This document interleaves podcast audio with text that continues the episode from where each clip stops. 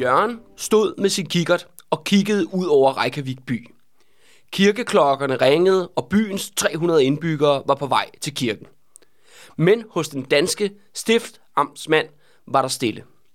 Her skulle man åbenbart ikke i kirke, selvom det var en højhellig søndag. Kirken større lukkede, og byen blev helt stille. Jørgen vendte sig om mod sine seks soldater. Nu var tiden kommet til revolution.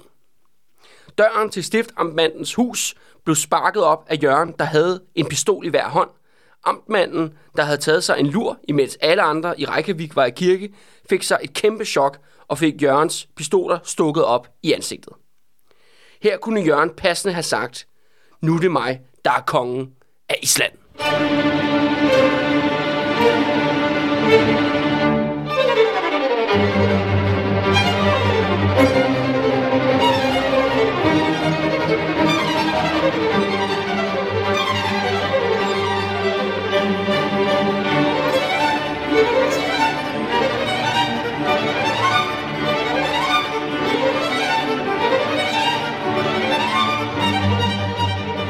Velkommen til De Røde Fjer, og velkommen til dagens episode om alle tiders store danske eventyr, Jørgen Jørgensen.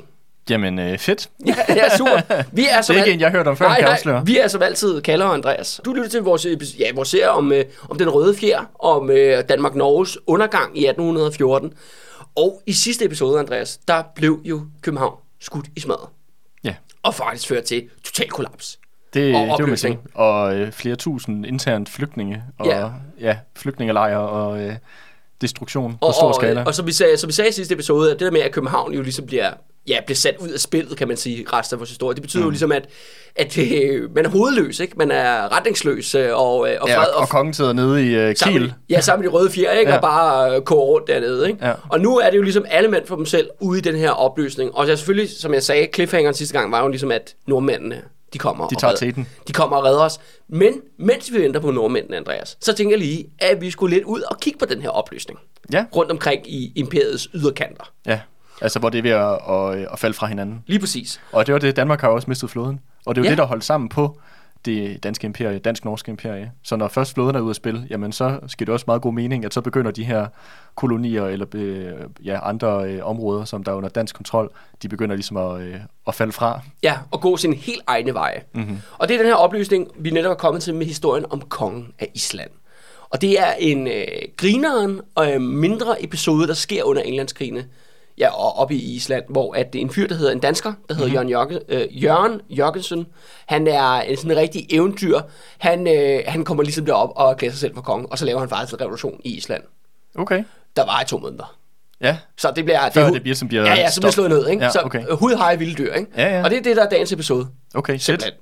Og, øh, og det kommer til at så ske så i 1809. Men apropos Island, Kalle, så, øh, så du jo faktisk står og skal på ferie her om lidt. Jeg regner klart med at lave en Jørgen Jørgensen. og som du vil se, jeg, jeg, altså, som dagens episode skrider frem, jeg tænkt mig at se, om jeg kan kopiere det en til en. Ja, og se, se, hvad der sker. Ikke? Præcis, fordi du skal jo faktisk til Island her ja. på ferie her om lidt. Og, og det betyder også, at øh, der ikke kommer et afsnit næste uge. Nå ja, det er rigtigt, ja.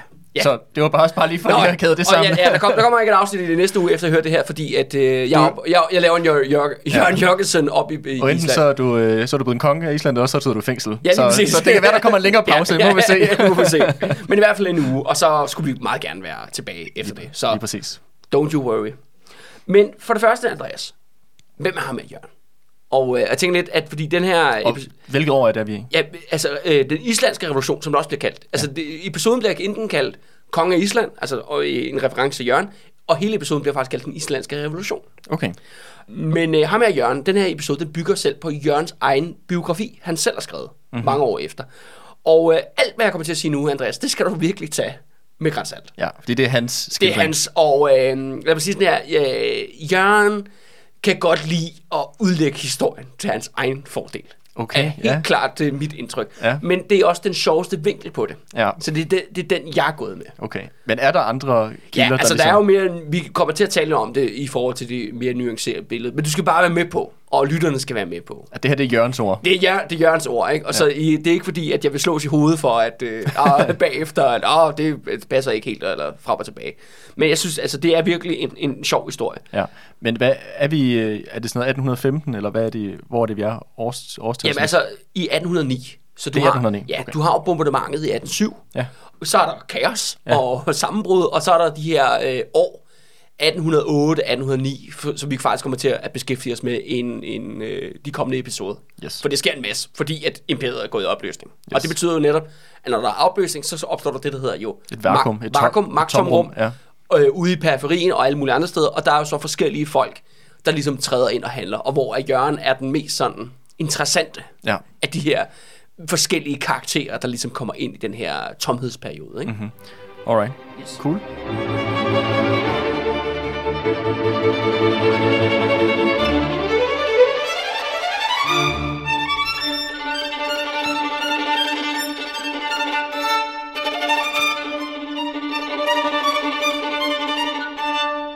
for det første, Jørgen han er faktisk københavner. Okay. Han er født i København i 1780. Ja. Øh, Så han er rimelig ung faktisk, da det her, øh, de her begivenheder de foregår. Ikke? Ja, sådan 29 år. Ja, lige præcis. Og øh, hans far han levede af at lave matematiske instrumenter til skolen. Ja, så sådan... Og øh, Øh, ingeniørskole og sådan noget. ja, okay. Altså ja, en linealmand, kan man vel kalde ham, ikke? Eller Ja, en kuglerammer og- Ja, kuglerammer, ja, lige præcis. Det var det, han lavede. Øh, og så er der- Jørgen, han starter sit selvbiografi med at fortælle en grinerende historie om, at, øh, at, hvordan han kom til at øh, takle Christian 7. Nå, Det er sådan, han åbner sin øh, selvbiografi. okay. øh, jeg, øh, jeg kan ikke få det helt til at passe øh, i forhold til årstal og sådan noget, men det kommer lige ned. Men nu skal du høre historien. Historien er, at han går selvfølgelig i skole. Altså han er født i 1780, øh, vokser op øh, hos sin far og sin mor i en ja, købmandsgård i København, og øh, så er det sådan, at han bor lige ved Rundtårn i det her område, lige mm-hmm. omkring derinde, omkring Rundtårn øh, ved Købmagergade. Og, øh, og så er det sådan her, han går selvfølgelig i skole, og så på et tidspunkt, så i skolen, der slås man jo hele tiden. Det gør jo raske drenge. Jo, i 1700-tallet og langt op i 1800-tallet vil man slås. Og folk på, hvad det der, det hedder den elite skole. Ja, altså, det er Aldersholm, ja. De bliver ved med at slås, ikke? Så det, er jo, det, det har vi en sund, rask tradition for, at øh, gode, raske drenge... For eliten, de skal de, de, slås. De, de, skal ud og slås, ikke? Og så er, er han... øh, Ja, så kommer en slåskamp, der han især har en, en ældre dreng, som er faktisk større end ham. Det er en gang i ja, slut 1880'erne, men det må være 1890'erne, fordi at, ellers kan jeg ikke få det til at passe sammen. Som de to er fjender, de hele tiden op og slås. Og, men Jørgen skriver sådan, ja, men jeg, jeg kunne sagtens det var. Okay. Selvom han var ældre og større end mig, jeg ikke nogen problemer og sådan noget. Så jeg, jeg smadrede bare fuldstændig. Jeg, jeg kørte ham rundt med klatten, ikke? Jamen altså fedt, Jørgen. Ja, det, er ja, godt, og- øh, og- og det, så- det, lyder som om, at øh, det ikke var det, der var tilfældet. Nej, ja. men, så går, men så fortæller han så, at så der var en dag, hvor ham der drengen havde drillet ham, og så vælter Jørgen op i skolegården og siger, nu skal du fandme få nogen på down. Og så jagter han ham ned af Købmagergade, hvor efter den her ældre dreng, han løber ind i Rundetårn. Mhm. Op i toppen af Rundetårn, fordi Rundetårn står bare åbent, til ja. Ja. man kan vade derind. Okay. Og Jørgen han løber selvfølgelig ind i Rundetårn, op af de her, ja, Trapper. Ja, Som nej, er, det er jo ikke trapper, det er jo ikke mere trapper. sådan en, øh, jeg ved sgu ikke, hvad man kalder Man det. lang sliske eller sådan Ja, noget. Ja, ja. ja, ja. Han løber det op, og så lige næsten op i toppen, så øh, kommer han simpelthen til at banke ind i nogle meget, meget finklædte herrer. Mhm.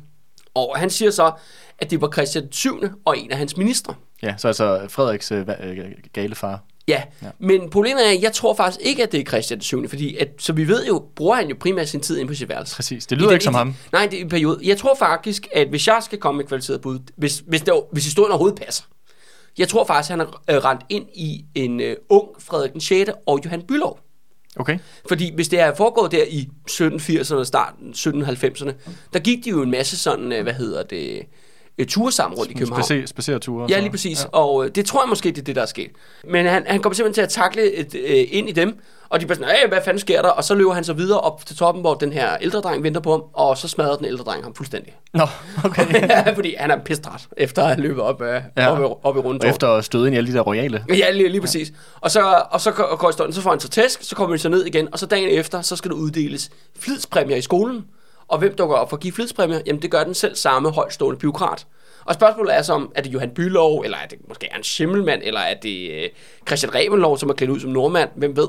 altså, i den her periode. Og så, så genkender han ham ligesom Jørgen der, for den, uh, det er jo ham, den uartige dreng, Ja, okay. der taklede... Øh, Så han det får ikke noget, noget Nej, flidsorden. han får overhovedet ikke noget flidsorden, så han bliver ligesom snydt for sin præmie, ikke? Okay. Så det er ligesom Det, Ja. ja. det gør han, Så er, vi, så er vi i gang. Det- så er vi i så gang, han ja. har, så han har i hvert fald, hvis man skal tro hans ord, så har en eller anden form for meget, meget pæfærd forbindelse, sådan, hvor han er stødt ind i dem Ja, ja, lige præcis. i sin ikke? barndom. Ja. En anden ting, som, er, som jeg til gengæld øh, ret meget tror på i hvert fald, det er, at han var vidne til Christiansborgs brand i 1794. Jamen, sikkert nok. som vi talte om for en del episoder siden. Det er, jeg synes faktisk, jeg er lidt fascineret af hans beskrivelse, fordi han er jo en del af pøblen Ja. på daværende tidspunkt. Man skal jo tænke, han er jo netop en outsider for det hele det her det kongelige miljø, og vi beskrev jo ligesom, hvordan det var internt. Så det er meget sjovt, sjovt at se det ligesom eksternt med den her brand. Mm. Og han er faktisk, han siger selv, at han var dybt fascineret af det. Han synes, det var fedt. Okay. Fordi det var enormt flot. Altså det der by, det gik op i flammer, og det spejlede sig i vandet, og de har aldrig set noget lignende i sådan et stort, kæmpestort øh, flammehav, ikke? Ja, og, der var, og, og, så siger han også det der med, at, at se hele den der kongefamilien og hoffet, der står ude på Christiansborg Slotsplads med alle deres møbler og alt deres skøjl, som vi talte om der mm. i den her episode, at det er sådan lidt, der er sådan en frydstemning. Ja, ja. Nu er sådan retfærdighed. Ja, lige præcis. Ikke? Ja, ja, ja, ja, og det synes jeg jo bare er meget sjovt. Og så siger han også, og det tror jeg altså også på, det er, at han ser simpelthen, at øh, Christian 7. er fuldstændig hysterisk. Mm. Og det lyder rigtig meget. Som ham. Christian, Ja, ja. Christian 7. Altså, han er selvfølgelig pissebange. Det er klart. Og, øh, og faktisk, øh, han siger også, at han beskriver, hvordan han ligesom bliver lagt ned af nogle vagter, ikke? der ligesom mm-hmm. holder ham fast, ikke? fordi han bare er fuldstændig out of his mind. Ja. Men det er jo sikkert rigtigt nok så. Det tror jeg Men jeg synes, det er rigtigt. Det er sjovt, det du siger der med, at han egentlig fryder sig lidt over Christiansborgs brand. Og det, vi har bare det, ikke så mange, vi har ikke så mange kilder for den, den side Nej. der, ikke? Men jeg kan da godt forstå det også. Det, nu havde vi de afsnit omkring pøblen, og hvordan at de øh, tæskede løs på politiet og andre øh, sådan, myndigheder, som jo var meget fra hatte, fordi det er jo også en vanvittig undertrykkende regime. Kongefamilien er jo ikke en eller anden form for sådan uh, pussenusse billedbladets uh, Nej, nej, nej, nej. hvad hedder det, kransekagefigur, men er jo en undertrykkende diktatorisk magt i samfundet. Så Ja, det, ja, det, ja. det er jo, og vi også som vi snakkede om, at det var ulovligt at strække, det var ulovligt at for, øh, forsamle sig. Vi havde historien om, hvordan at, øh, Frederik den 6. i hvert fald tydeligvis ikke kunne lide at blive kritiseret, og slog meget hårdt ned på enhver form for kritik. Og det er, også, det er også det, og det er jo der i 1790'erne, at den der forholdet mellem Frederik den 6. og den københavnske befolkning, pøblen, mm. den bliver jo virkelig forbitret. Præcis. Hvor der er ja, demonstrationer og optøjer, og så slår han jo igen med soldater og straf og, Præcis. og hvad det nu ellers er, ikke, som vi har snakket om. Ikke? Ja. Og det er bare, så, bare sjovt det der med, at lige pludselig så dukker der, og det er jo bare, vi er stadigvæk, han er kun 14 år, øh, skal sige, mm. altså Jørgen på det tidspunkt, da branden sker.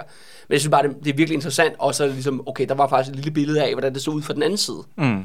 Altså ikke kun kong, altså jeg vil For sige, aristokratiet. Ja, det er så lidt sjovt, at kongefamilien beskriver, altså selv i deres egne øh, kilder om dem selv, fremstår de rimelig hysteriske. Ja. Og udulige. Men det er meget sjovt ligesom at få en, en, for en fyr på gulvet, altså ja, en, en teenager, mm. som det jo egentlig er i, mm. i det her tilfælde, ikke?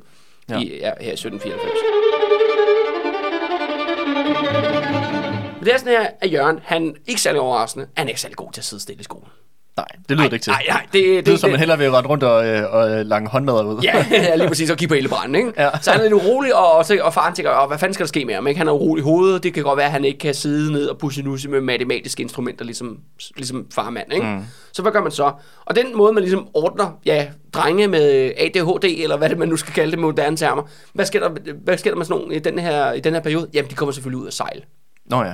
Det er jo den helt klassiske. Den fortsætter sådan set i mange hundrede år fremad. At det, Ja, ja, det- Hver gang man er bare sådan, åh, du er ikke så god i skolen. Du skal ud at sejle." Du skal ud at sejle. Ja. Og det er samme tur... Det, der er øh, ikke noget bedre end bare at være spærret inde på det der flydende fængsel. Ja, så kan du rigtig, Sammen en masse ældre mænd, hvor der er ingen kvinder. Ja, så kan du rigtig lære Jeg ved ikke, hvordan, hvordan det skulle hjælpe noget. ja men, øh, tørre tæsk og druk, ikke? Og Ja. hårdt arbejde, det er det, der er brug for, ikke? ja, og den, øh, den mulige drukne død. Ja. den sandsynlige drukne død. Ikke? Ja.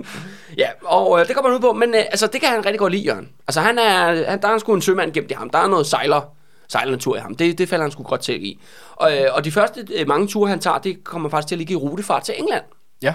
Altså simpelthen mellem København og England, forskellige fragter. Mm-hmm. Og, øh, og det er sådan her, at det, på alle de rejser øh, lærer han selvfølgelig at tale engelsk. Mm-hmm. Og bliver rigtig god til at tale engelsk som dansker. Og det er jo ikke så mange, der kan det Nå, nej. i den her periode. Hvis man har kunnet noget andet, har det nok været tysk. Ja, og øh, for, for, fransk, det skal måske. siges faktisk, at langt de fleste har jo både talt dansk og tysk. Ja, i hvert fald i København. I, ja, ja, i hvert fald i København. Fuldstændig normalt og udbredt. Og også selvfølgelig i store dele af Jylland og andre steder, for den til skyld. I ja, provinsbyerne. Men det der med at tale engelsk, det, mm. altså først, det var altså ikke noget, der var sådan alment mm. på det tidspunkt. Og det der med, at han kan, er en god engelsk, det bliver vigtigt senere. Okay. Ja. Men så er det sådan, at han er ude at sejle. Han har faktisk også været en tur i Australien, og han kommer virkelig ud og Nå, ser og okay. ser nogle ting. Altså sejler jorden rundt et par gange, ikke? Og så, øh, men så kommer han så hjem i 1807 Ja. lige efter Københavns bombardement, der hvor vi slap i sidste episode. Mm-hmm. Og der kommer man jo hjem til ruinhoben. Ja, altså, den rygende ruin. Ja, og, og møder selvfølgelig sin far og sin mor, ikke? Som, og det er jo hans hjemby, der er brændt ned. Ja, ja, som også er ham, altså, de har godt nok ikke mistet huset, men de kender jo naboer og slægtninge og hvad det nu ellers er, og venner og sådan noget, som jo bare har mistet alt jo, i den her fuldstændig kaosagtige situation.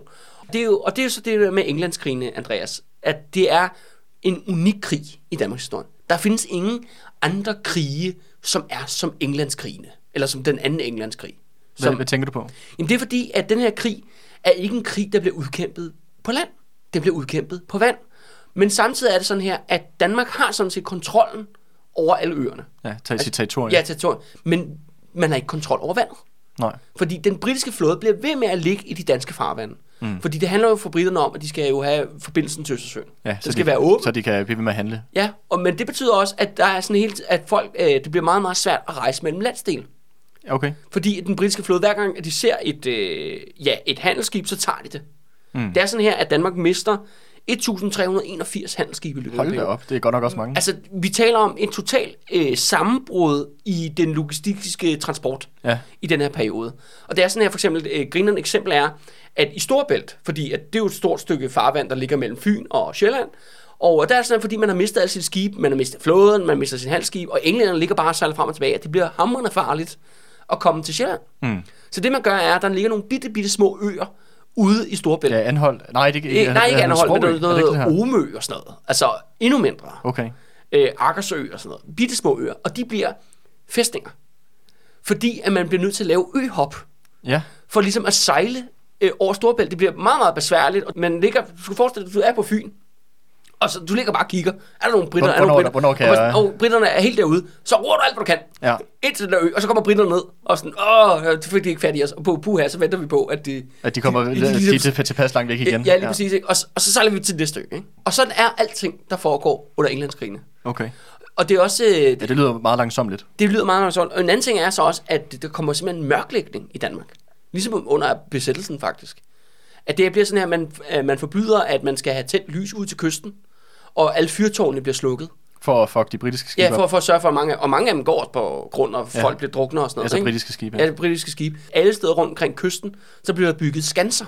Altså kanonskanser, og sådan den der lokale milits, mm. som vi snakker om i, i træshuslaget ved Køge. Ja, det der forløberen til hjemmeværnet. Ja, ja, lige præcis. De bliver mobiliseret og skal forsvare de danske kyster, for de her britter, de er der jo ude i de danske farvande i syv år.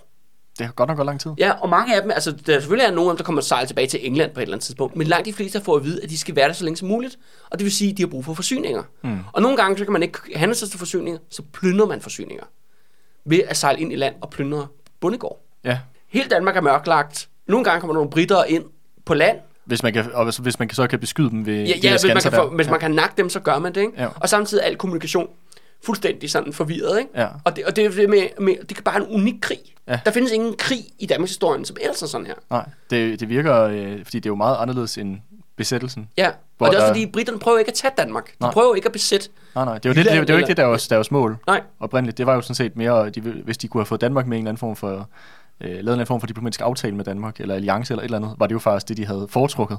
Ja, fuldstændig. Altså, de er jo blevet, de er jo sådan set, øh, det her det er jo ikke deres ønskescenarie heller. Nej, på ingen som helst måde. Og, men det er sådan her, at Danmark så svarer jo, fordi britterne har jo den, altså overmagten Ja, ja. på havet, især efter flåden jo øh, ligesom røg der. Ikke? Så det man gør, man bygger kanonbåde, som prøver at angribe britterne, og så øh, ja, får man øh, sørøver. Mm-hmm. Vi får simpelthen øh, Gode gamle sørøver, dem har vi jo mødt mange gange. seks- 600 sørøverskib i Danmark. Hold op. Rigtig, rigtig mange. Og øh, det her med kanonbåde og sørøver, det kommer vi ind på i en senere episode. Ja, Men for nu skal du bare vide, hvem melder sig til at blive sørøver? kunne det være måske vores ven Jørgen ja, ja, det, Jørgensen? det er altså Jørgensen, ikke? Jürgensen, ja. ja. Ja, selvfølgelig. Og det grinerne er faktisk, at det er sådan her, at hvem er det, der sørger for, at han får sig et, øh, ja, et godt gammeldags øh, sørøverskib? Jamen, det gør farmand. Og syv andre lokale købmænd. De går simpelthen sammen og ligesom sætter deres penge sammen.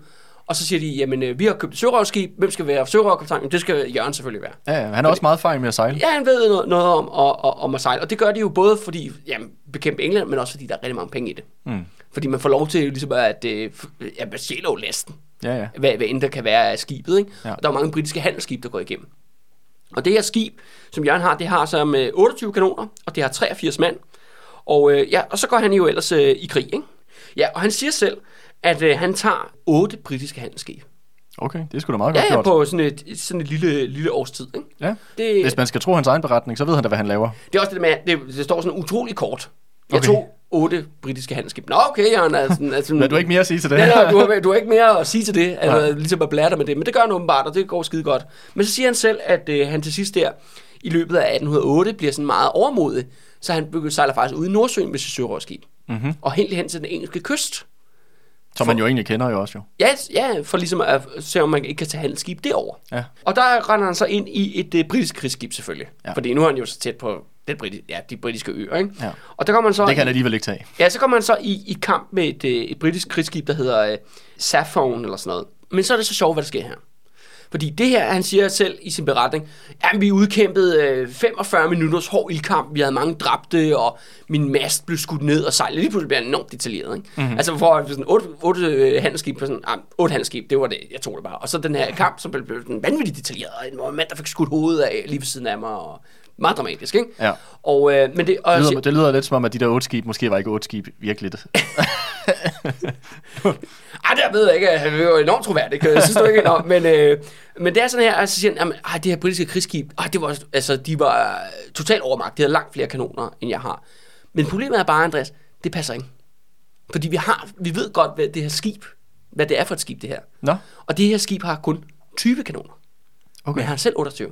Okay, så det er, fa- han, han, det er faktisk ham, der har det bedste skib. lige eller, præcis. eller i hvert fald størst ildkraft. Ja, og det er jo det der med, at, at men han overgiver sig skibet, altså sit eget øh, danske sørøverskib, til britterne. Okay. Og det er sådan, hvad er det, der sker her? Øh, og der går faktisk altså, i, i, blandt hans eget mandskab, danske mandskab, som er med på det sørøverskib, om at han muligvis er en forræder. Mm-hmm. Altså Jørgen ligesom har en deal. Og det er også det med, han taler jo engelsk, mm. og har været meget stor på ting. Og det, og det gør simpelthen, at han bliver, han er sketchy, ikke? Mm. De fatter hurtigt mistanke til ham. Ja. Altså om, at der er foregået et eller andet. Og det der skib der, den der ildkamp, man havde som et uh, britisk krigs- krigsskib, ah, gik det lige lidt for let, eller burde vi ikke have vundet den, eller, mm. eller frem og tilbage. Men det der faktisk sker, er, at uh, Jørgen og hans besætning, overlevende besætning, de ryger så i fængsel. Og det er sådan en anden ting, som er sådan også igen ret unik. Det er, fordi de kommer til noget, der hedder, de bliver kaldt prisons, apropos for engelsk, men det er ikke fængsler, der er på land. Det er fængsler, der er på vand. Så han sidder nu i fængsel på et skib, britisk skib. Ja, nej, men det er sådan her, at britterne har fem flydende fængsler uden omkring den øh, britiske kyst, Okay. som er gamle overlovsskibe. Altså ligesom du kan huske i slaget på redden, ja. Der brugte man de gamle danske overlovsskibe som ja, flydende fæstninger. Ikke? Ja, puttede kanon. ja, ja, forter. Britterne gør det samme, men de laver bare dem om til fængsler. Nå, Hvor de simpelthen alle, det er sådan her, at i løbet af Englandskrigene, der tager man 7.000 dansk-norske krigsfanger. hold da. Og de bliver alle sammen stoppet ind i de her skibe. Okay, det lyder rimelig fucked. Ja, og det er sådan her, at øh, 2.000 af dem er danskere, men de 5.000 af dem er nordmænd. Ja, men Så var, det det, var- var det ikke også mange af dem, der var i flåden? Jo, lige præcis, og ja. også mange af dem, der er pirater, ja. Præcis, og, og sørøver langt den lange norske kyst. Det er også de der høje, store overlovsskibe, så uden master, som bare ligger for anker ud for kysten, og så er der bare, i stedet for kanondækker, hvad der nu ellers er, så er der bare lavet... Celler. Altså, ja, eller de hænger ud der i køjer, ikke? så er de simpelthen øh, spærret inde der. Og så er der sådan, at nede ved vandet, så er der simpelthen sådan en, øh, en lille platform, man har bygget, og der går simpelthen britiske vagter rundt og, og skyder for folk, hvis du hopper ud igennem kanonlugen, ikke? Og, og ud i vandet for at prøve at flygte. Okay. Og så Hold det, op, det lyder, øh, det lyder øh, rimelig crazy. Ja, men der er så også virkelig trange og uhygiejniske forhold. Det kunne jeg godt forestille Altså mig. mange, mange tusind mænd spærret ind i de her, øh, i de her skibe. Øh, og det er også sådan her, at det faktisk de bliver jo turistattraktioner i England. Og kom og se dem. Ja, folk tager simpelthen ud på søndagsudflugt i robåde for at sige, haha, der er de fattige dansk nordmænd inde i det der øh, Flydende hedder det? fængsel. Ja, flydende fængsel. Ikke? Så det, er, altså, det er noget, de oplever. Så, ja, så kan man jo så ja, råbe og skrige til hinanden gennem ja. de der kanonporte. Ikke? Hold da op. Fordi de lyder enormt fucked, og det skal også siges, omkring 5% af dem, de dør. Mm. Men den seneste forskning viser faktisk, at de har også fået en rimelig god behandling i tiden. For det skal siges, normalt for krigsfanger i Napoleonskrigene, der er dødsprocenten på omkring 50-70. Hold da op. Det er godt Så den højt. dansk-norske er meget lav Ja. i forhold til det. Øhm, og der er det der med, at der er sådan en, øh, skal vi kalde det, sådan lidt gentleman-agtig attitude. Altså, det er jo ikke fordi, at britterne prøver at sulte dem ihjel eller noget. De får faktisk mad og, mm. og frem og tilbage. Men det er nogle virkelig, altså, trange, trange forhold. Man skal godt nok ikke være klaustrofobisk, tænker jeg lidt. For, Før, øh, før det bliver rigtig træls at være der i lang tid. Ja, ja, rigtig mange mennesker. At danskerne faktisk også behandler de britiske krigsfanger, for dem tager man jo også nogle tusind af mm. i Danmark jo. Men de ryger så til Viborg. Okay. Det er simpelthen, Viborg bliver simpelthen Danmarks fangelejr under Englandskrigene. Okay, hvor så de øh, kommer dog ikke ud i de der flydende fængsler. Nej, de nej, kommer nej, nej, land. du skal tænke på, at britterne behersker havet. Nå, ja, er så, så, Så Viborg, kan de bare, øh, befri Viborg ligger jo midt inde i Jylland, så det, det er det bedste sted, de kan være. Ikke? Ja. det, er simpelthen, det er simpelthen det, der er, Der er tanken. Ja, der, der er ideen. Ikke? Og de her folk, der er, øh, bor på de her fængsler, nogle af dem sidder jo hele syv år Ja, Det er fandme lang tid Det er virkelig lang at være i tid. sådan en kasse, ikke? Ja, det kan man godt nok sige. Og mange af dem, altså, der er selvfølgelig mange af dem, der deltager, der laver flugtforsøg, og nogle gange så lykkes det også, fordi nogle gange kan man være heldig, og der kommer der et udlandsskib sejlende forbi. Og hvis man kan sejle, eller svømme derud, og ligesom sige, hey, tag mig med, så kan man så undslippe, ikke? Mm, det er Det er, der, det er der nogle stykker, der gør. Men mange af dem øh, bruger faktisk øh, tiden på at lave øh, modeller. De laver simpelthen skibsmodeller og, og sælger dem Nå, for at få flere penge til, sådan, til, til, til dem. Ikke? Ja. Der bliver også lavet indsamlinger af Danmark, som, så må man sende pengene over. Det er også det med, at der er faktisk en kontakt ja. frem og tilbage. En anden ting er, som jeg også virkelig griner, det er, at der er helt vildt mange tegninger og, og ja, malerier sådan set, altså en primitiv, inklusiv øh, Jørgen her, han laver også en tegning, da Okay. er i prison, i de der fængselsskib.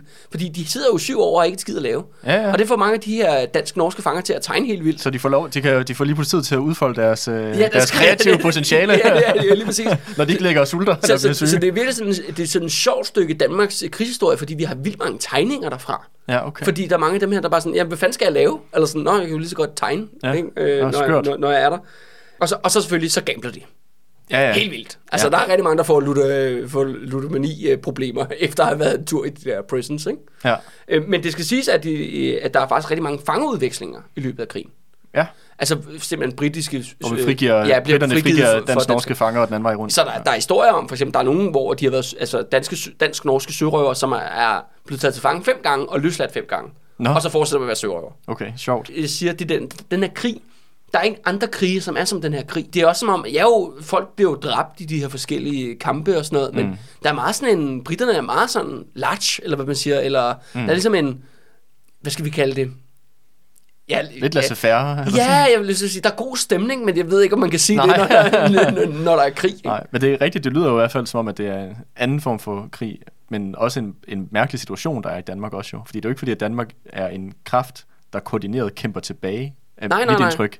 Så det er jo også sådan lidt at sidde og, så britterne slår, ud, slår i en pude, hvor det sådan, der er ikke rigtig så meget modstand. Nej, nej, nej, nej, men det er bare for at sige, at altså, det er ikke en krig, hvor vi kan tale om, at der er blevet gået massiv overgreb af krigsfanger, eller mm. massehenrettelser, eller noget af den dur. Mm. Det er tværtimod, faktisk. Ja. Så virker det som om, at der er sådan rimelig øh, ordentlige forhold. Ja.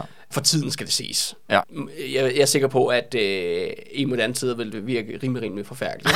men, øh, Det mig ind. Ja, ja, men, men det er bare for at sige det der med, at det I samtiden. Ja, ja, og, og det, det er jo- øh, bedre øh, end- Når vi befinder os i året 1808, det er det, altså, det er samme tidspunkt, at det der guerillakrigen begynder i Spanien. Altså, der taler vi massiv drab på civile, mm. og masser henrettelser og alt muligt andet. Og så senere kommer Altså, Rus- hvad, altså guerilla, altså i forbindelse med Napoleonskrigene, Ja, ja, hvor så Spanien rejser er, den spanske befolkning sig og Ja. ja. bekæmper franskmænd, og det bliver meget, meget blodigt. Og senere, når Napoleon angriber Rusland, der bliver det også meget, meget blodigt. Og mm. vi taler om øh, hele områder i Ukraine, Hvide Rusland. Altså, der bliver bare fuldstændig brændt af, og alle bliver dræbt. Ikke? Mm. Og altså, det er ikke fordi, jeg siger, det er en brutal tid. Altså, det er en brutal krig, det her. Altså, folk dør i en helt anden skala, end man nogensinde har set før i verdenshistorien. Eller i hvert fald i, Europæisk. Ja, europæisk historie, altså, siden antikken, tror jeg. Ikke? Altså, også fordi hærene bliver lige pludselig så store. Ja, 100 100.000. Ja, ja, men det, det havde man ikke set siden romeriet. Nej. Altså romerne var de sidste feltherrer, der førte 100.000 mand i felten i nogle af deres slag. Og det er først med Napoleon, at vi begynder at se så store hære. I, ja, ja. I, den, i den skala igen.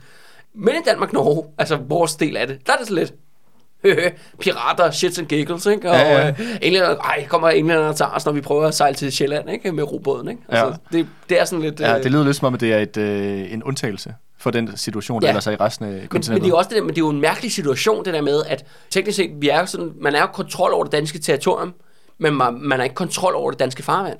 Nej.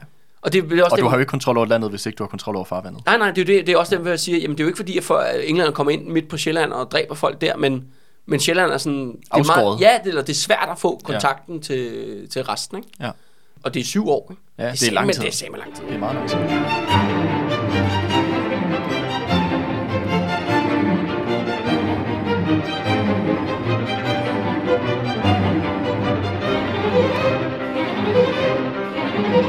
Og så tilbage til Jørgen. Ja. Han sidder jo så derinde i det her... prison. I prison, ikke? Og igen, der går den, øh, altså det der med, at han bliver mere og mere... Altså han er upopulær. Okay. Fordi de ser ham jo netop som... Altså, er han en, er han en forræder? ikke? Mistænksom. Ja, også fordi han så selvfølgelig kan tale med de engelske vagter. Mm. På deres eget sprog. Og det er sådan rimelig sketchy. Du kan også huske, at københavnerne, de er fuldt folk, der taler engelsk. Ja. I 1807. Så der er jo en generelt... Selvom de sådan- jo så måske er amerikanere. Ja, ja, ja, lige præcis, ikke? Øh, og så der er jo generelt sådan en, en sådan en, altså... Anti-engelsk stemme. Ja, anti-engelsk stemning om, omkring det hele det her. Og det gør at faktisk, at Jørgen som øh, officer eller som kaptajn jo på det her skib, så siger han så til britterne, "Jamen, kan jeg ikke, blive, kan jeg ikke komme til London i stedet for? Mm-hmm. Og så svæver jeg på mit officers æresord, at øh, jeg skal nok opføre mig pænt, og ikke flygte. Er han officer? Ja, det er han jo så teknisk set, fordi han er kaptajn, ikke? Ah, det er klart. Ja, ja, det, er, det er noget, de bare... Det er noget, hans far har sagt. Ja, ja. Du er officer, ikke? Ja. Men altså... Men det er reglerne, ikke? Jo, jo. At han har altså ligesom ledet det her skib. Og der er englænderne sådan, ved du hvad, det tror vi sgu på. Okay. Så han bliver simpelthen løsladt og sendt til London. Og det skal jo også anden ting, øh, ting, der skal siges. At dem, der sidder i The Prisons, det er altså kun de menige sømænd. Alle officererne, de lever altså, de har det fedt i London, ikke? Mm-hmm. Og det går til fester og whatever. Okay. I, i de her 20 år, så der er forskel på folk, ikke? Ja, det, er jo, det har vi også stødt for, på før, at der på den måde er en vis øh, sympati eller solidaritet blandt øh, eliten, Ja. selvom man så måske er i krig med hinanden. Og øh, ja, så kommer Jørgen til London og går rigtig meget på bar. Og ligesom venter på, et eller andet spændende skal ske. Mm-hmm. Og det kommer jo så til at ske. Og, og så skal vi netop lige vende os til Island. Og hvor vi efterlod Island sidst med vores episode om Laki-vulkans udbrud i 1783. Ja. Øh, som du nok kan huske, Andreas, så så det sgu ikke skide godt ud. Nej, der var, øh, jeg kan ikke huske, hvor, mange procentdele, der vi snakker om, men det var i hvert fald mange dele i en islandsk kontekst af befol- store dele af befolkningen, omkring der døde. 10.000 mennesker døde, ikke? Og det har været mange på det ja, tidspunkt. ja, ud af en befolkning på 50, ikke? Så de tog lige en ordentlig... Ja. Sådan en god 20, 20 procent, Ja, eller hvad, ja, ja. ja, hvad min hoved, hovedregning lige kan komme frem til. Og, øhm, og det er jo sådan her, at de jo ikke rigtig er kommet sig ovenpå vulkanen. Det kunne du godt bilde ja, ind. ja, selvom der nu er gået nogle år og sådan noget. Ikke? Altså det er virkelig øh, nød og elendighed. Og det andet er jo så, at hele det her med Englandskrigen og floden, der bliver taget af nu ser det forstærker det kun, fordi så mister Island jo selvfølgelig forbindelsen til Danmark og Norge. Mm. Fordi britterne tager så de her skibe Ja. Fra dem. Og det betyder jo, at folk jo faktisk begynder at sulte. ja, fordi forsyningerne, madforsyninger og andet, det kom jo fra ja, Danmark Ja, ja, ja, lige præcis. Og, og, der, og det er jo virkelig en, en tragisk øh, situation. Og samtidig er der selvfølgelig også en masse danske købmænd, som jo selvfølgelig har nogle lager med mad, som selvfølgelig sætter priserne op. Nå, men du, de, kommer, de, de deler det ikke bare Nej, ud nej, til... nej, det Nå. viser ikke, at det, det er sgu ikke velgørenhed, Nå, øh, de okay, her gange. ja. Så de holder ligesom på, på fedtet, ikke? Og så, jamen, øh, hvad hedder det? Ingen arme, ingen småkager, eller hvad man siger, ikke? Altså, Ja. det, der er jo øh, hård kontant afregning over for de her virkelig, altså... Forarmede mennesker. Ja, ja, islandske bønder og forhyrter, som jo er blevet fuldstændig smadret af den her vulkan. Ja. Der lige kom de her, de her små 20 år tidligere, ikke? Så, så det ser virkelig, virkelig sort ud. Island er jo afskåret. Og så er der så en, en britisk handelsmand, der hedder Joseph øh, Banks, som bor i London. Og han er en handelsmand, som er blandt andet meget interesseret i Nordjylland. Okay. Og han ser jo, uha, Island er jo totalt isoleret, og folk mangler alle mulige varer. Han ser ligesom en mulighed for, at han kan komme ind på markedet mm. og tjene en masse penge. Der er noget efterspørgsel. Ja, ja, lige præcis. Ikke? Han er jo en for, øh, driftig, driftig forretningsherre. Og han øh, øh, sender allerede øh, kort efter, ligesom at øh, den danske flåde bare bliver fuldstændig splittet ad, mm. begynder han så sender han et skib derop til Reykjavik, som mm. er jo selvfølgelig øens. Hoved, hovedbyen. Ja, men det skal kun siges med kun 300 indbyggere Ja. på Ja, tidspunkt. ja, det er meget, det, det, meget en- beskeden. Ja, det er jo flække, ikke? Altså, Ja. øh, det er jo knap nok en landsby Ja, ja, i, i dansk kontekst. Men, men ikke desto mindre hovedstaden, og her hvor at den danske leder bor. Ja. Altså det, det man øh, på mundret dansk kalder stiftamtsmanden. Ja. Det er en officiel øh, titel. Og han er, han er selvfølgelig en dansker, klart nok. Han er en greve, og så hedder han Tramp. Mm-hmm. Greve Tramp. Grev Trump. Ja, ja. Og, øh, og så sender det her skib op, og så, så, så tager de selvfølgelig kontakt i land, og så siger, hey, hey, Grev Tramp, vi har alle de her lækre, øh, lækre madvarer til din sultne befolkning. Var det ikke noget, du var interesseret i at øh, købe? Mm-hmm. Og der er Grev Tramp, nej, vi er i krig med jer, vi boykotter alle jeres varer. Ja. Og, og så siger han, jamen ved du hvad, hvad nu hvis jeg øh, cutter prisen med 50 procent?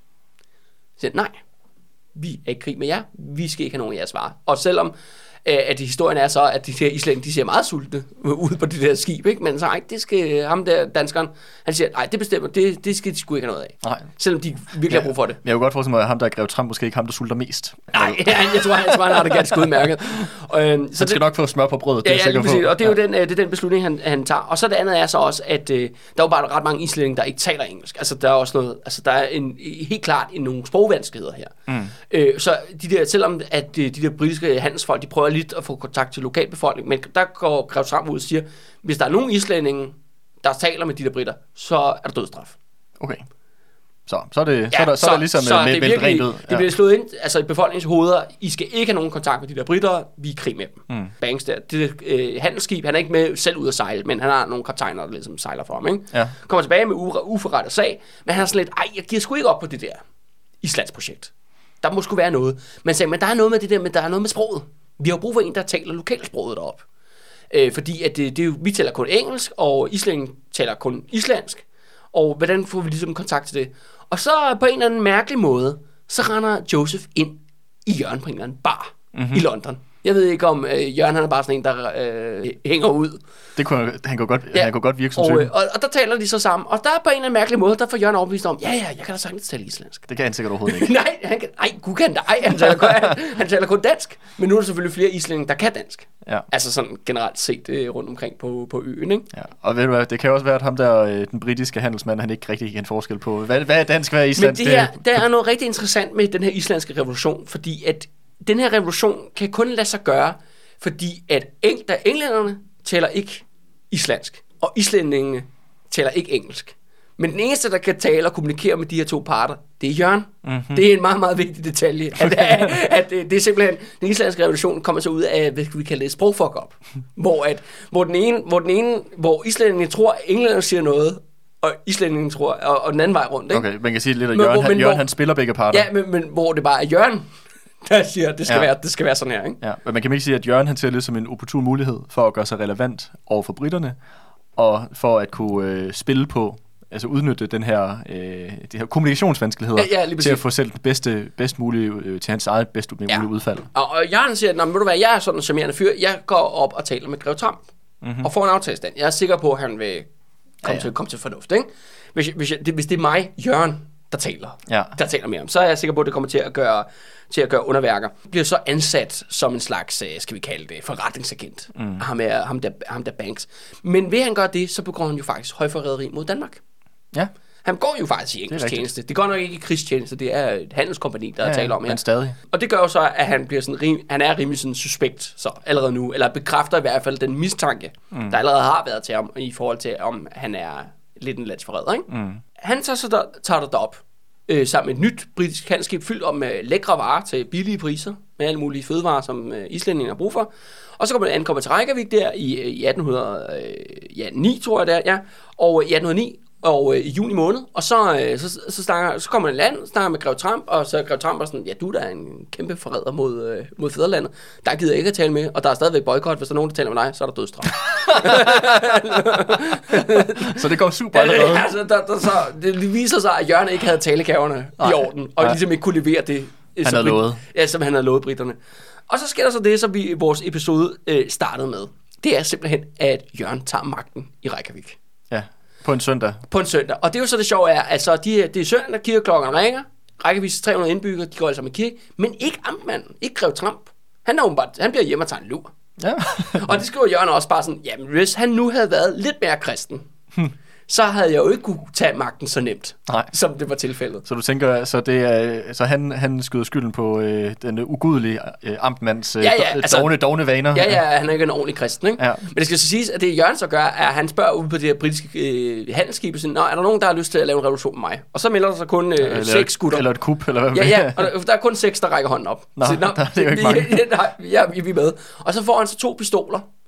Og, øh, altså det, det, og så går de så i land, ikke? og du kan lige forestille dig, at Jørgen render rundt med to pistoler. Ja, ja, den, gamle, action. den gamle sørøver. Ja. Nu, nu blevet, øh, ved det forretnings, øh, hedder det, øh, diplomat, eller hvad Ja, ja, lige præcis. Og, og det, der så sker, alle er kirke jo, så er byen er jo ligesom øde, eller flækken, Reykjavik er øde. Og så sparker han simpelthen døren til stiftamtmandens øh, hus, øh, Grev Tram der, hvor han ligger sig og tager en lur. Der er også en kokkepige, der kan man lave noget mad til ham, og alle får et stort chok, og, og Jørgen kommer viftende ind med pistolen og siger, nu er det mig, der har magten. Og så har han taget magten. Okay.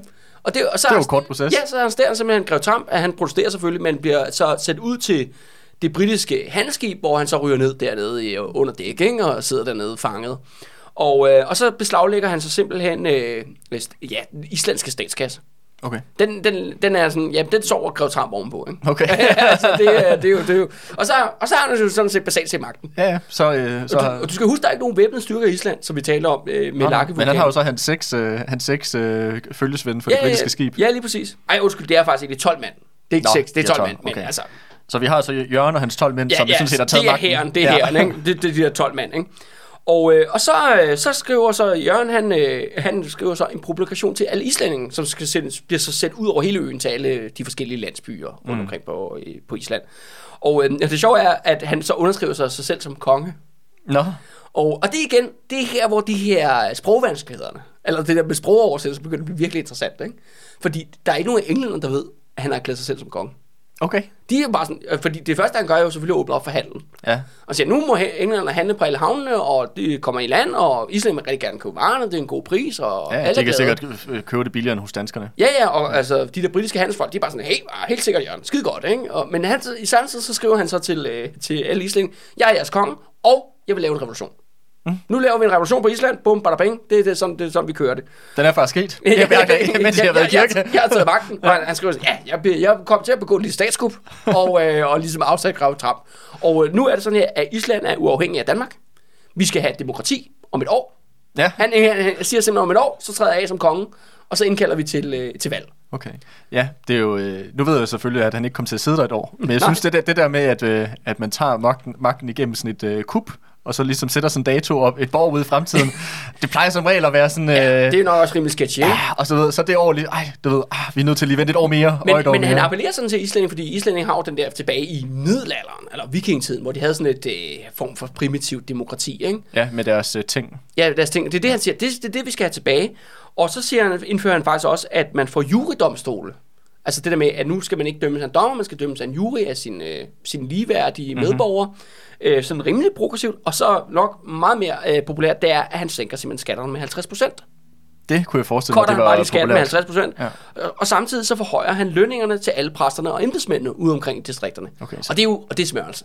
Det er det, Det- 100%. det er- Men det vil ja. sige, at han har, han har nu gjort det muligt at købe for befolkninger, som virkelig desperat mangler Han har fødevarer. opløst det danske handelsmonopol. Præcis. Så han, nu kan folk faktisk købe billigere fødevarer. Han har sænket skatterne, og nu har han også bestukket øh, statsapparatet der. Og givet alle de offentlige ansatte en højere løn, ikke? Så det virker da som om, at hans, øh, han har sådan rimelig gode øh, kort på hånden. Ja, ja. Good. Han, er, kommer, han kommer godt fra start, ikke? Øh, Ham her, kong Jørgen. Ja, og der, der kan man så sige sig selv, jamen, øh, hvordan, fanden, øh, hvordan fanden betaler han for alt det her? Altså, hvordan ligesom, øh, og det grinerne er, at han har selv fremlagt sit, sit regnskabsbiografi, hvor han er i plus, Ja, okay. skal det siges. Men det, grunden til, at han kan være i plus, det er, at han også kommer en anden dekret, hvor at den nu uafhængige islandske stat beslaglægger alt dansk ejendom i Island. Ja. Altså alt kongens ejendom, den danske kongens ejendom i Island, det beslaglægger han simpelthen. Og det andet så er, at han, vil, han gør det med den her argumentation med, at vi beslaglægger al ejendom og alle rigdomme, som mange af de her øh, købmænd og embedsmænd de ligger inde med. Det nationaliserer Altså vi de danske. Ja, det nationaliserer vi simpelthen. Fordi de her folk, de har stjålet alle de penge, der skulle være gået til nødhjælp til, lakke, til offerne for Lakkevulkan. Det er jo rigtigt. Og det synes jeg bare er vildt interessant i forhold til den første episode, vi havde om Island. Ja. Hvor vi netop ham her, den islandske præst der, mm. øh, Steingrimson, eller hvad fanden han hed, ikke?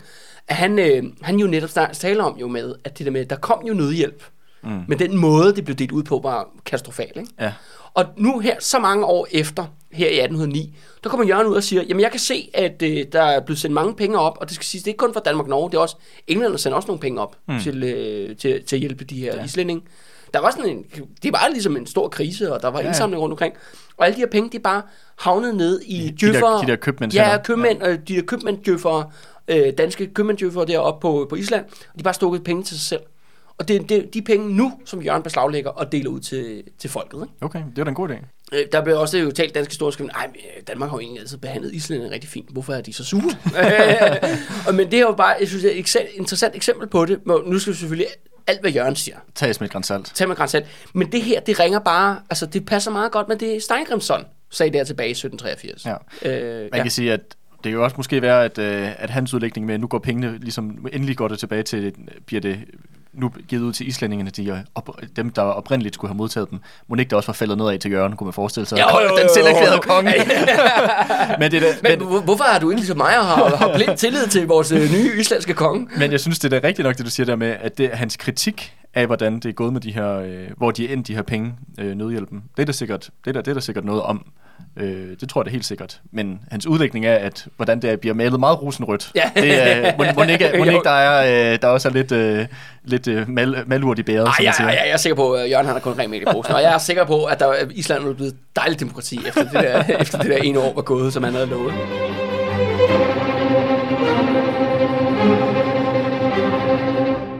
Men det er sådan her jo, at øh, ja, men altså Jørgen jo den her her på, på 12 mand, og det er sådan her i Reykjavik, der er der jo mange danskere, fordi ja. De ligesom er hovedstaden, og byråkratiet har hjemme der. Så der bliver han sådan rimelig sådan, der er de sådan meget sådan kølig, sådan afventende. Mm. Øh, men Jørgen beslutter sig simpelthen for, at han tager på en islandsturné, Ja, kun med tre mænd som bodyguards. okay. Og øh, det skal siges, at der er ikke nogen steder nogen, der prøver at nakke ham. Nej. Og det er jo ret interessant, fordi hvis han rejser over på den anden side af Island, og der er han sgu langt væk fra Reykjavik, ikke? Og hvis der er nogle lokale bønder eller et eller andet, der vil nakke ham, så kunne det jo sikkert sagtens, Sagtens, sagtens, ja. sagtens have gjort det. Ja. Det er en ting, han gør ude i distrikterne, det er, at han beslaglægger de lokale kasser. Okay. øh, skattekroner, for simpelthen for, de skal ind i statskassen, så han er også sådan, centraliserer ligesom alle pengene og magten i sin, sine egne hænder. Ikke? Og der er en enkelt af de her danske, danske djøffer, som er ude i de her yderdistrikter, øh, der Jørgen og hans tre mand kommer ridende på de der små islandske heste ud til hans hus, så er det bare sådan, hvad, hvad vil du? Det er mig, der er konge af Island. Og sådan, hvad, vil du mig? Og så siger jeg, du skal give mig, du skal give mig kassen her for, for distriktet, ikke? Mm. Og siger, nej, det nægter jeg. Så lukker han døren. Og så bakker de på, kom ud og, aflever, aflever pengene. Så, "Ej, det, det vil jeg ikke, jeg kommer ikke ud. Eller Jørgen siger så, at det de gør er, at de tager en masse ja, kviste og brænde, og lægger rundt i en ring rundt om huset og sætter ild til det. Ja. Så ligesom for at tro ham med at brænde ham inden, ikke? Ja. Og så, altså, ej okay, så åbner han døren, og så afleverer han så, så kassen, ikke? Men det er det eneste modstand, Jørgen oplever på hele den her Islands turné. Okay, det er jo rimelig beskedent. Det er jo meget beskedent, og det er jo meget sådan, ja, kan man sige, rimelig harmløs. Og, øh, og han siger også, at, at mange steder, altså når han kommer og siger, skatten er, den er, den er 50%. skåret, øh, skåret med 50 procent, og lige om lidt, så kommer der rigtig meget af alt det her nødhjælp, I egentlig har ret til, ikke? Ja. Øh, for år tilbage. Og så er der mange af de her fattige islændinge, som bliver ret begejstrede. Det forstår man da godt. Ja, og bliver glade.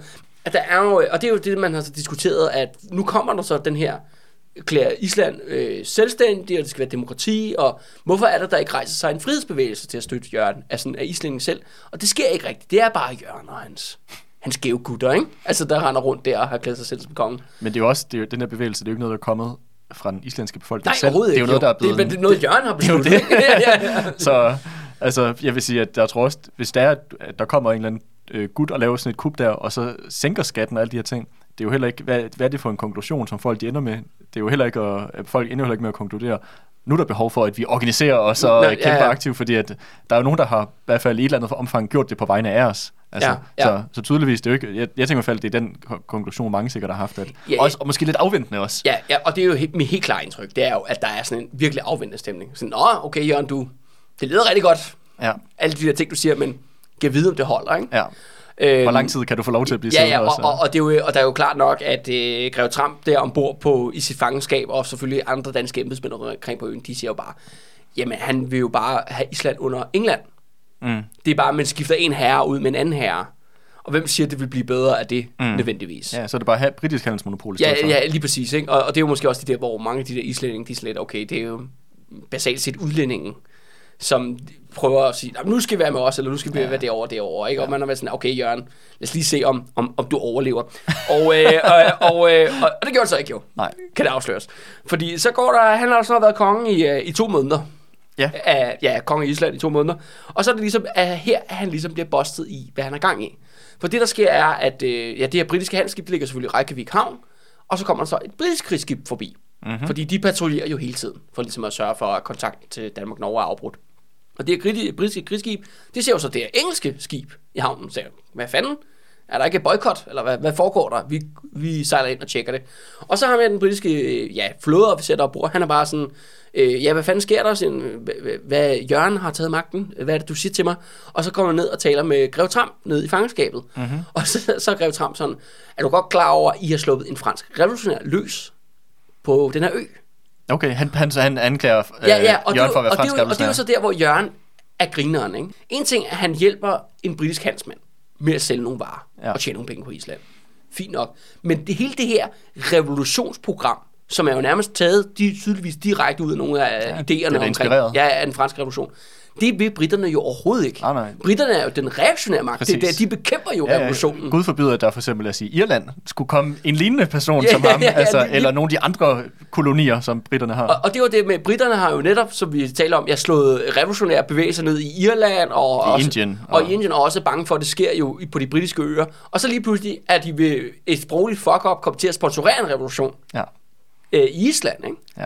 Og, det, og Det jo- sætter et dårligt eksempel. det sætter et dårligt eksempel, og, så, og, det var sådan, og det var overhovedet ikke det, vi aftalt. Nej. Eller, det var slet ikke det, vi aftalt øh, med, med Jørgen der. Og der er jo sådan, øh, Greve Tram, han som den kongetro, reaktionære, konservative embedsmand, han er jo, han er jo for den danske enevælde, han er jo for Frederik 6., ikke? altså for hans, hans systemer og kongemagt. det er ikke? klart. Og så siger britterne, ja okay, det, det holder ikke. Øh, øh, Greve Tram, han bliver selvfølgelig løsladt, og Jørgen bliver anholdt. Okay. og, og, og så er det sådan her, at så, bliver, så har de så det her handelsskib og det her krigsskib, og så siger de bare, jamen alting skal vende tilbage til det normale. Det er nu Grev Trump, der har magten igen på Okay. Island. Så de, de, de giver- indsætter ham igen? Ja, så de giver simpelthen Island tilbage til Danmark. Ja. Men det er sådan her, men, de bliver, men Grev Trump gør så opmærksom på, jamen problemet er jo, at øh, ja, Jørgen eller en anden person som ham, eller gud forbyde det, en islænding, kunne måske finde på at lave et oprør, hvis vi er afskåret fra resten af verden. Vi har mistet den her handelsforbindelse til Danmark. Mm. Vi har brug for en ny. Men der siger britterne, ved du hvad, vi hjælper sgu til. Nå.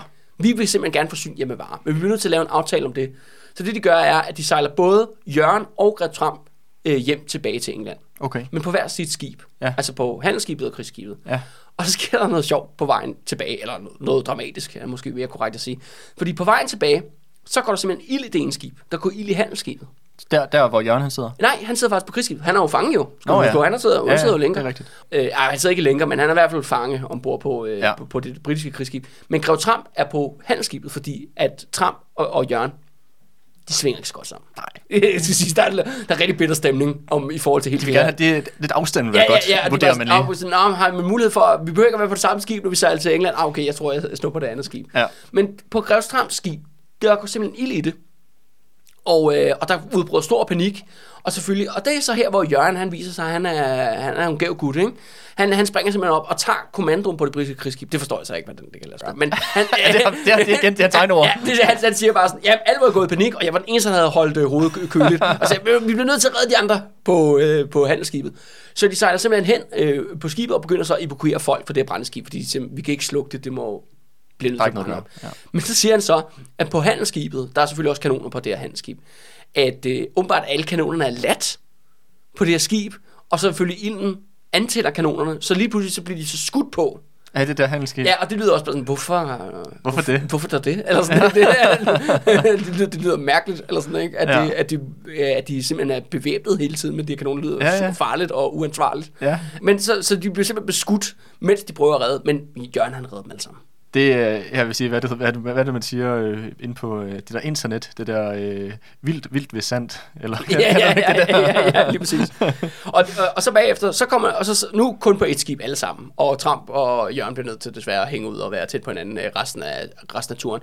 Og øh, det, der så sker, er jo, at de kommer til London, hvor at Trump han indgår en handelsaftale om, at britterne forsyner Island resten af Englandskrigene, øh, så simpelthen man tager ligesom at sørge for, at befolkningen ikke dør af sult. Og, øh, og Jørgen ryger sjov nok i fængsel. Mm. Øh, Jørgen, han er jo så rimelig sådan bitter øh, over på Trump. Sådan, jeg redder dit liv, mand. Altså, og så takker mig på den her måde. Ikke? Mm-hmm. Og det sjove er jo nu, han er jo placeret sig sådan her, han er både er forræder øh, altså i, i danskernes øjne, men også forræder i britternes øjne, fordi mm. han lige kommer til at lave en lille fransk revolution. Ja, det kan man jo komme til. Ja, i Island, ikke? Ja, så han har, han har ligesom prøvet at spille de forskellige, øh, de forskellige parter til hans egen bedste, men har sådan set endt med at, blive, øh, at stå lidt afklædt tilbage, må man sige. Ja, det må man sige. Og øh, det, der så sker med øh, Jørgen efterfølgende, det er, at han, ja, han sidder så i fængsel i nogle år, og øh, der desværre, der bliver, får han et øh, kæmpestort gamblingproblem. Okay. Han gambler helt vildt. Det er det, han bruger tiden på resten af Englandskrigene. Han gambler bare som en sindssyg. Og, øh, og det ender simpelthen med, at han har simpelthen gamblet alt, hvad han ejer. Så han ryger i gældsfængsel. Så han, lige, sådan, lige snart han bliver løsladt som krigsfange, så ryger han bare i gældsfængsel, fordi okay. han skylder så mange penge. Og til sidst ender det med, at han simpelthen bliver deporteret til Tasmanien. Til, okay, Ja, Tasmanien. ja, han ryger simpelthen straffe sådan en fangekoloni. straffekoloni. Ja, ja, Ja, ja, ja. koloni det hele vejen. Og der dør han så over i 1841. Okay. Jamen, dramatisk Og slutning det på var, konge, det var historien om kongen af Island. Okay, jamen, vild, vild karakter. En meget sjov sådan episode, eller hvad skal vi kalde ja. det, ikke? men også meget, han virker også som sådan en rigtig eventyr. Altså den der form for øh, folk, der, øh, der prøver virkelig at, at, at tage se de mest opportune, opportunistiske muligheder for Ja. ja. ligesom at fremme dem selv og deres egen karriere, er måske så meget sagt, øh, men, men i hvert fald deres egen position. Men, men det, det sjove er jo så det der med, at hvad fanden han har tænkt. Hvad fanden er det, han har tænkt? Altså i Reykjavik. Ja, jeg ved, jeg, jeg ved, har han, tænkt, har han virkelig tænkt, jeg kan pull det her off? Vi gør det sgu. Ja, men okay, på med men- ja-hatten, men- på med ja-hatten. Men ikke? man kan også sige, altså selv, selv hvis det så er bare to måneder eller en uge, han havde været kongen i Island, hvad, hvad var alternativet? At sidde i, sidde i, i London og være øh, krigsfange? Jamen, det, nå, men det er jo det der med, at altså, okay, en ting er at arrestere Grev Trump, fordi han ikke ligesom vil samarbejde. Ligesom, okay, vi uskadeliggør ham, vi åbner Island op for den her handel, så ham her, Joseph Banks, som jo er egentlig ham, der har sponsoreret det. Mm. Det er jo hans penge, det er ham, der har lagt ud til hele den der ekspedition, kan finde sted, og ja. Jørgen kan komme derop til at starte med. Men det er så her, det er jo der, og det giver han ikke en særlig god forklaring på. Hvorfor fanden er det lige pludselig, du, du kalder dig selv som konge, hvilket viser, at du har sådan en rimelig meget storhedsvand ved. Ja. Og det andet er så, at du indfører sådan en række progressive reformer. Altså, det, er jo, det lyder jo meget godt, Ja, ja. Det, det han ligesom får vedtaget. Ja, ja. Hvis, hvis det rent faktisk var kommet igennem, Ja, og så det, tror og jeg da det, sikkert, og at det, det, det, havde det, det sjove er, at det er jo kun i to måneder, men det er jo så første gang, Island er selvstændig siden, ja, hvad fanden? 1300-tallet Ja, eller sådan 12, øh, et eller andet, i 1200-tallet er det der, de ja. bliver lagt under den norske krone, ikke? Jo, jo. Så de har lige sådan to måneder ja. Der i 1809, og så, og så skal vi først helt op til, til 1944, ikke? Jo. Før de, så, og der, hvor de løsrever sig endeligt fra Danmark. Ikke? Mm. Så er der, men der er lige Jørgens mellem, mellem, mellemperiode, ikke? Ja. Og som du selv sagde, Andreas, det er bare sådan, Island, det er bare noget, der sker for os lige nu. Eller sådan, Ja, ja. øh, det er jo, nå, Det er just happen. det er, ja, men det er jo sådan en... øh, Ja, ja, men det er også, jeg forstår godt, at folk har været sådan afventende. Ja, Jeg tror måske også, hvis du har været islanding, har du måske også godt kunne se sådan, hmm, der er måske også nogle, nogle større kræfter på spil her, Ja, ja, ja. som det ikke sikkert, at Jørgen og hans øh, 12 gave gutter kan, kan stoppe men, imod. men jeg tror også, der har været meget en, der har været meget, jeg tror, en forståelse af, at på trods af, at man har jo, man kan godt forstå, at man er blevet røvrendt, for eksempel af det danske handelsmonopol. Ja, ja, klart. Øh, det tror jeg, der er udbredt opfattelse om, at det vidste, de Helt godt, sikkert. det vidste de godt i samtiden. Ikke? Men det der med, at de ved jo, at de er så dybt afhængige af den der forbindelse udefra. Så de, vi bliver nødt til at have den der forbindelse. Mm. På den ene eller på den anden måde. Mm. Og det er jo det der med, hvis Jørgen bare kører sit eget fucking shit show. Altså, det er også det der med, at det er jo det der med, at han jo bider den hånd, der fodrer ham, i det der med, at han fucker med englænderne. Ja, ja. Han bare laver sit eget program lige pludselig, ud af Ja, det ja. blå. Og det, det er jo sjovt, det der, men hvor, hvor har du det fra? Eller sådan, ikke? Hvor kommer det så af? Også fordi, mm. at når han gør det, så vender han sig jo også egentlig mod Frederik 6. Og hele hans regime. Ja. Det enevælde, danske enevælde vil jo heller ikke kunne tillade det, Nej, nej. han, han har gang i. Men det virker ikke? heller ikke som om, at med hans egen opvækst og historie, at han har synderligt meget øh, hvad skal man virker sige, ikke som en- autoritetstro over for kongen og enevælden. Altså. Nej, men, Så- men på den anden side virker han ikke så politisk igen, eller sådan, Nej. men, øh, men, Men det var han så åbenbart. Men man kan sige, hvis han alligevel, når...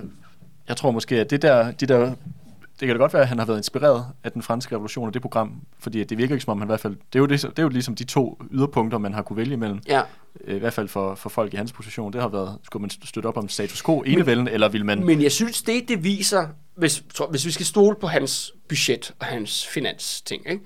så viser det sig faktisk, at der var faktisk flere penge i Island, altså i den danske statskasse, end de gav udtryk for. Sikkert. Altså, der taler om, at man, de faktisk har siddet, altså de skulle være rimelig rige, sidde på flæsket, de der Embedsfolk. embedsmænds købmænd Ja, ja. af, af, af Jamen, danskere. det kan godt bilde mig og, og det der med, at han så frigør, ligesom, okay, vi kan frigøre de ressourcer, Ja.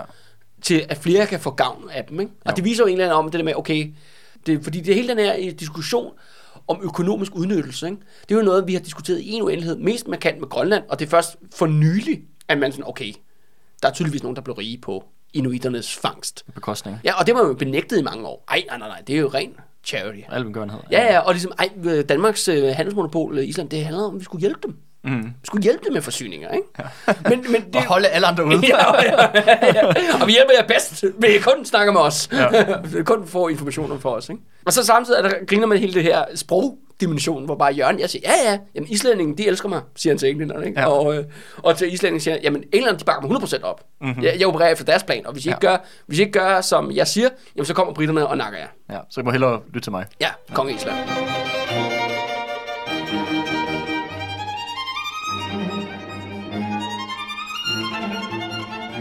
Bada bing, bada bum, Andreas. Det var dagens historie. Og øh, ved du hvad, i næste episode, godt nok ikke om i næste uge, men næste uge igen, vi bliver simpelthen ved det skæve og det skøre, og ude i den danske provins. Og næste gang, så skal vi faktisk hjem til de hjemby, Andreas. Til Kolding? Til Kolding. Nå, for Kolding delen. skal selvfølgelig også have en episode Ej, øh, med engelskgrine. Fordi at, øh, det, der skete der, det er, at en flok meget, meget frysende spanier, De sætter ild til simpelthen Koldinghus. i- De sætter ind til Koldinghus. Yes.